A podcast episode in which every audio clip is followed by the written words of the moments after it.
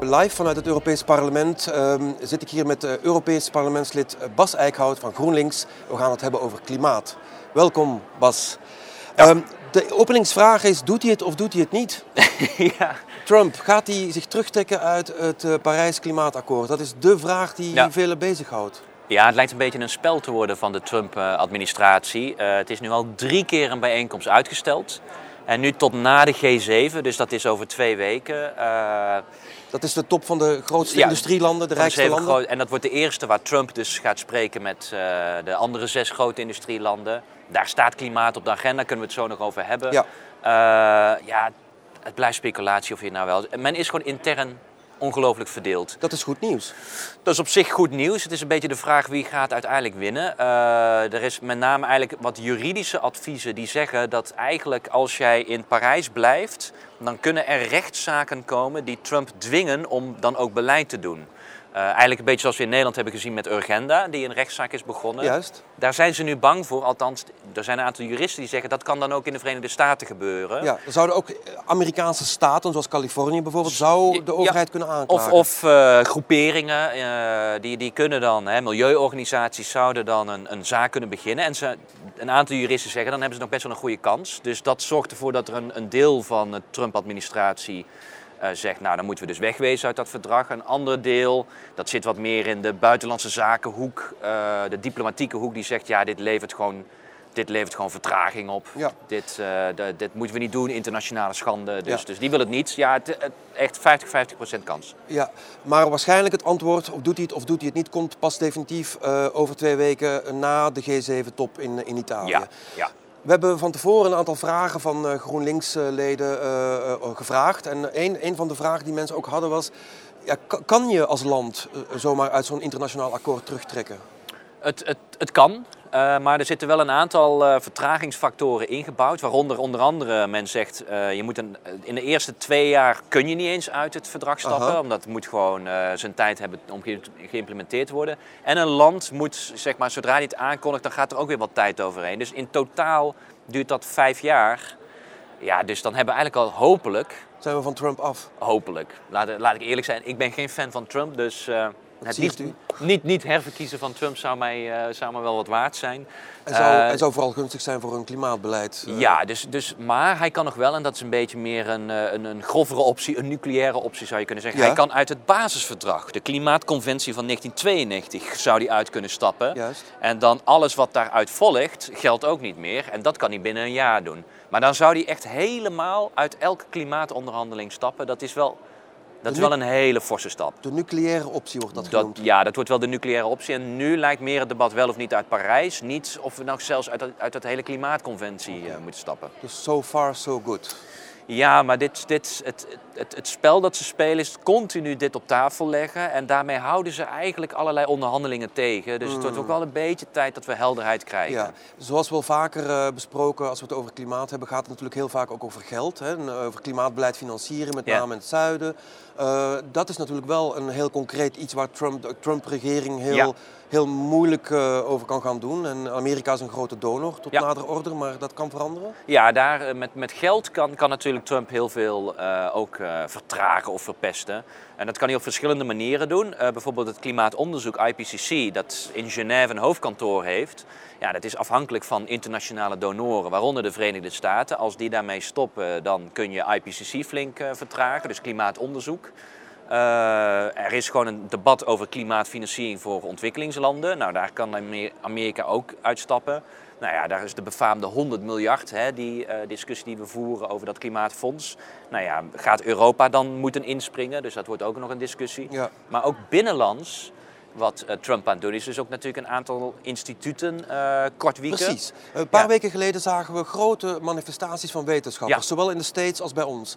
En uh, kun je iets vertellen inderdaad over hoe zit dat nou precies met Trump zou het klimaatonderzoek in de VS eigenlijk onthoofd hebben? Hoe, ja, dat, eens, hoe ja dat, dat doen ze op een slimme manier. Je hebt dus enerzijds klimaatbeleid, EPA, hè, die Environmental Protection Agency. Ja. Daar, wordt die, daar wordt gewoon direct op gekortwiekt, zodat mm. ze gewoon minder op klimaat kunnen doen. Maar je hebt ook hele belangrijke instituten die onderzoek doen, zoals NASA. Ja. En uh, als je Ru ruimtevaart. Ruimtevaart. Uh, en die doet dus ook alle meteorologische metingen. En daar lopen ook heel veel klimaatonderzoekers. Dus al die data die we zien van, uh, van hoeveel het opwarmt, dat komt heel vaak van NASA. Ja. Ehm, als je heel heel oppervlakkig kijkt, denk je, nou, daar, daar houdt Trump zijn, zijn, zijn redelijk, hè, er gaat bijna geen geld vanaf. Maar als je in de details kijkt, wat hij aan het doen is, is hij ongelooflijk veel geld aan het verschuiven. Dus waar vroeger het naar klimaatbeleid ging, is het nu meer naar missies naar Mars.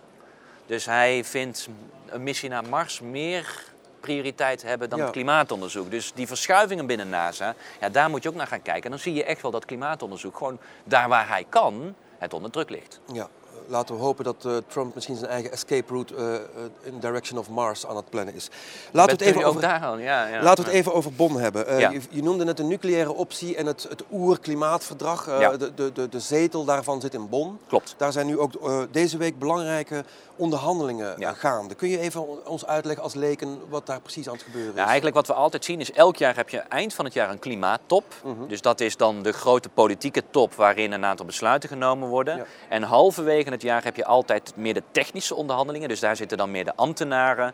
Uh, en die vinden dan plaats, eh, zoals je zei, de hoofdzetel van het VN-klimaatconventie. en dat is Bonn.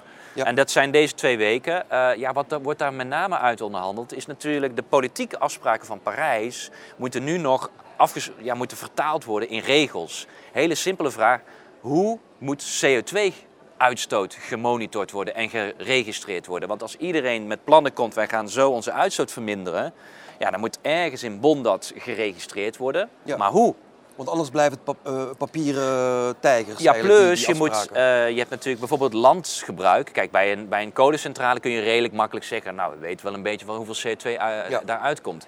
Maar bij landgebruik, wat gaan we doen met de bomen, hoeveel die opnemen en niet? Ja, daar kun je natuurlijk heel veel heel veel ruimte in creëren als je daar niet goede regels voor maakt. Dus, mhm. dus ja, de devil is in the details. Juist. Uh, en dat zie je nu ook weer gebeuren. En dus zal men uh, in Bonn, eigenlijk de rulebook zoals dat heet, dat staat nu op de agenda. Mm.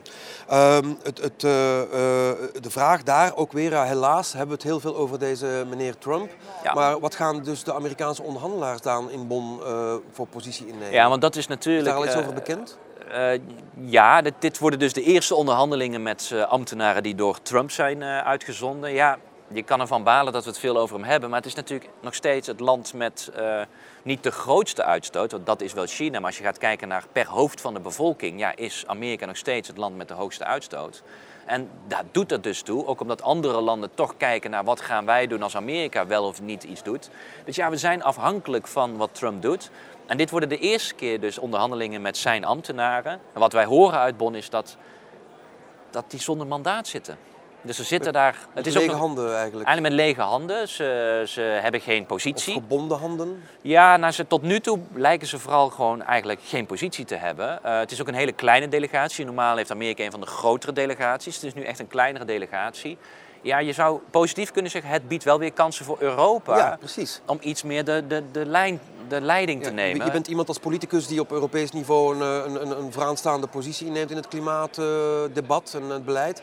Uh, vind je dat echt, denk je dat Europa dat dat een kans biedt aan Europa en hoe werkt dat dan? nou, het biedt zeker een kans, maar ik denk wat, wat, Europa een beetje moet gaan leren is, we hebben een soort reflex om altijd naar Amerika te kijken. Ja. Daar kunnen wij redelijk makkelijk mee converseren. Alleen al de taal is een kleinere barrière dan als je met China moet praten. Mhm. Uh, ook diplomatiek zijn de Amerikanen meestal redelijk helder. Hè? Je weet wat je krijgt met de Amerikanen. Dus er is een beetje een neiging van Europese onderhandelaars om toch altijd samen met de Amerikanen veel te doen. Mhm.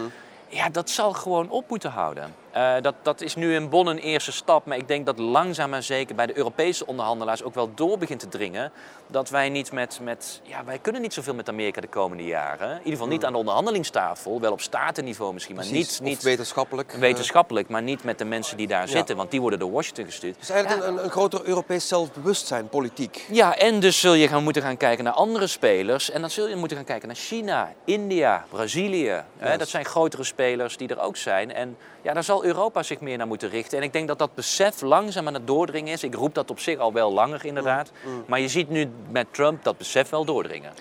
En misschien ook wel de urgentie rond uh, het klimaatbeleid. Want er is, uh, de, de, klok tikt, hè, uh, zonder al te alarmistisch te willen doen. Maar dat is toch wel wat de wetenschap ons vertelt. Ja, als je, eigenlijk als je gaat kijken naar, naar de effecten van klimaatverandering. En kijkt naar de opwarming. Die gaat de laatste tijd rap door. Mm -hmm. we hebben nu ook, nou, meteorologisch lijken we weer in een, een, nieuwe El Nino heel snel te komen. Wat eigenlijk normaal veel langere... Dus dit, het klimaat lijkt echt een beetje in de war, zullen we maar op zijn zacht zeggen. Mm dus dat lijkt het versnelde effecten van klimaatverandering. Terwijl dus tegelijkertijd onze maatregelen, het verminderen van onze uitstoot, ja, een beetje op een pauzeknop staat. Omdat we toch heel erg kijken van wat gebeurt er nou op het mondiale veld met Trump. Ja, dat is een slechte combinatie. Dus, dus we hebben echt meer haast, absoluut. Daar is dus ook de hoop dat de Europese landen afzonderlijk, met name Nederland, uh, een, versnellingje hoger schakelen als het gaat om... Dat is gewoon nodig. Als we gaan kijken naar uh, wat er nodig is vanuit Parijs, zien we gewoon dat landen meer moeten doen. En ook Europa. Maar als Europa blijft maar wat ze in het huidige veld uh, beloven, ja, dan weten we ook dat landen meer zullen moeten doen. En die discussie zie je ook steeds meer in landen opkomen. Ja. De Britten gaan al verder dan Europa, maar ook in Duitsland na september zul je daar ook een duidelijke uh, richting krijgen om meer te doen dan alleen Europa. Ja, die, dat andere belangrijke land dan in, in Europa, Frankrijk, ja. uh, net een nieuwe president verkozen. Ja. Wat is je gevoel daarover? Macron, gaat hij uh, een belangrijke stem spelen zijn in het, in het klimaat? Wordt interessant.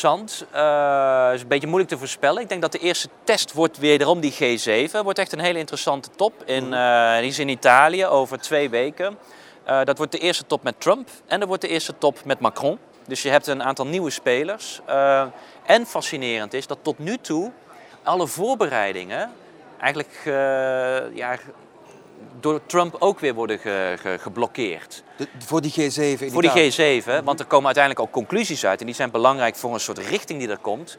Maar nu, de energieministers zijn al eerder bij elkaar gekomen en uiteindelijk wat daar gebeurd is, is dat de G6 zonder Amerika een eigen conclusie hebben gemaakt op klimaatgebied conclusie voorafgaande aan, die dan bekrachtigd zou moeten worden. Maar ze hebben dus het klimaat helemaal niet laten vallen. Ze nee, niet... ze hadden normaal, als een, als een van de G7 zegt, hier willen we het niet over hebben, dan, dan laat ze het onderwerp vallen. Ja. Maar de G6, dus dan heb je het over Canada, Japan, Italië, Frankrijk, Duitsland, Verenigd Koninkrijk. Die hebben gezegd, ja, dit is te belangrijk, wij willen daar wel op. Ja. En die discussie gaan we in Italië zien. Gaan wij straks een Trump zien die blijft blokkeren?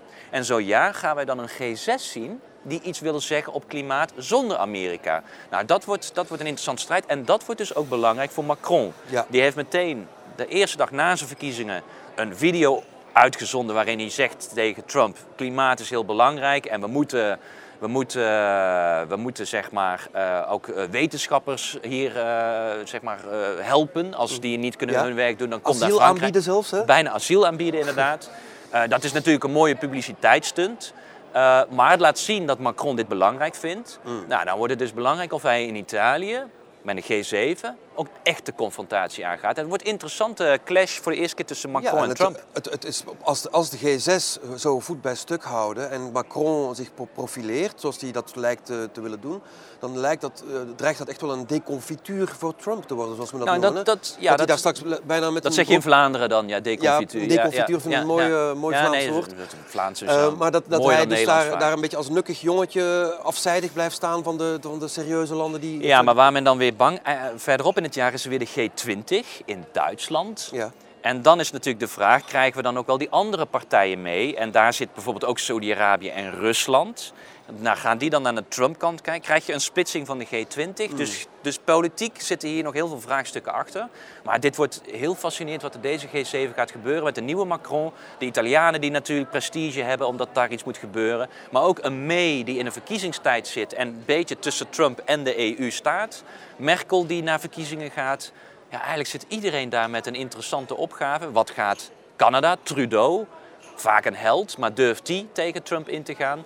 Kortom, uh, heel interessante G7 en gaat zeker iets voor klimaat neerzetten waarin wij in de onderhandelingen eind dit jaar uh, ja, de gevolgen van zullen zien. Kortom, in Europa en zeker als het gaat over klimaatbeleid, never a dull moment. Absoluut niet.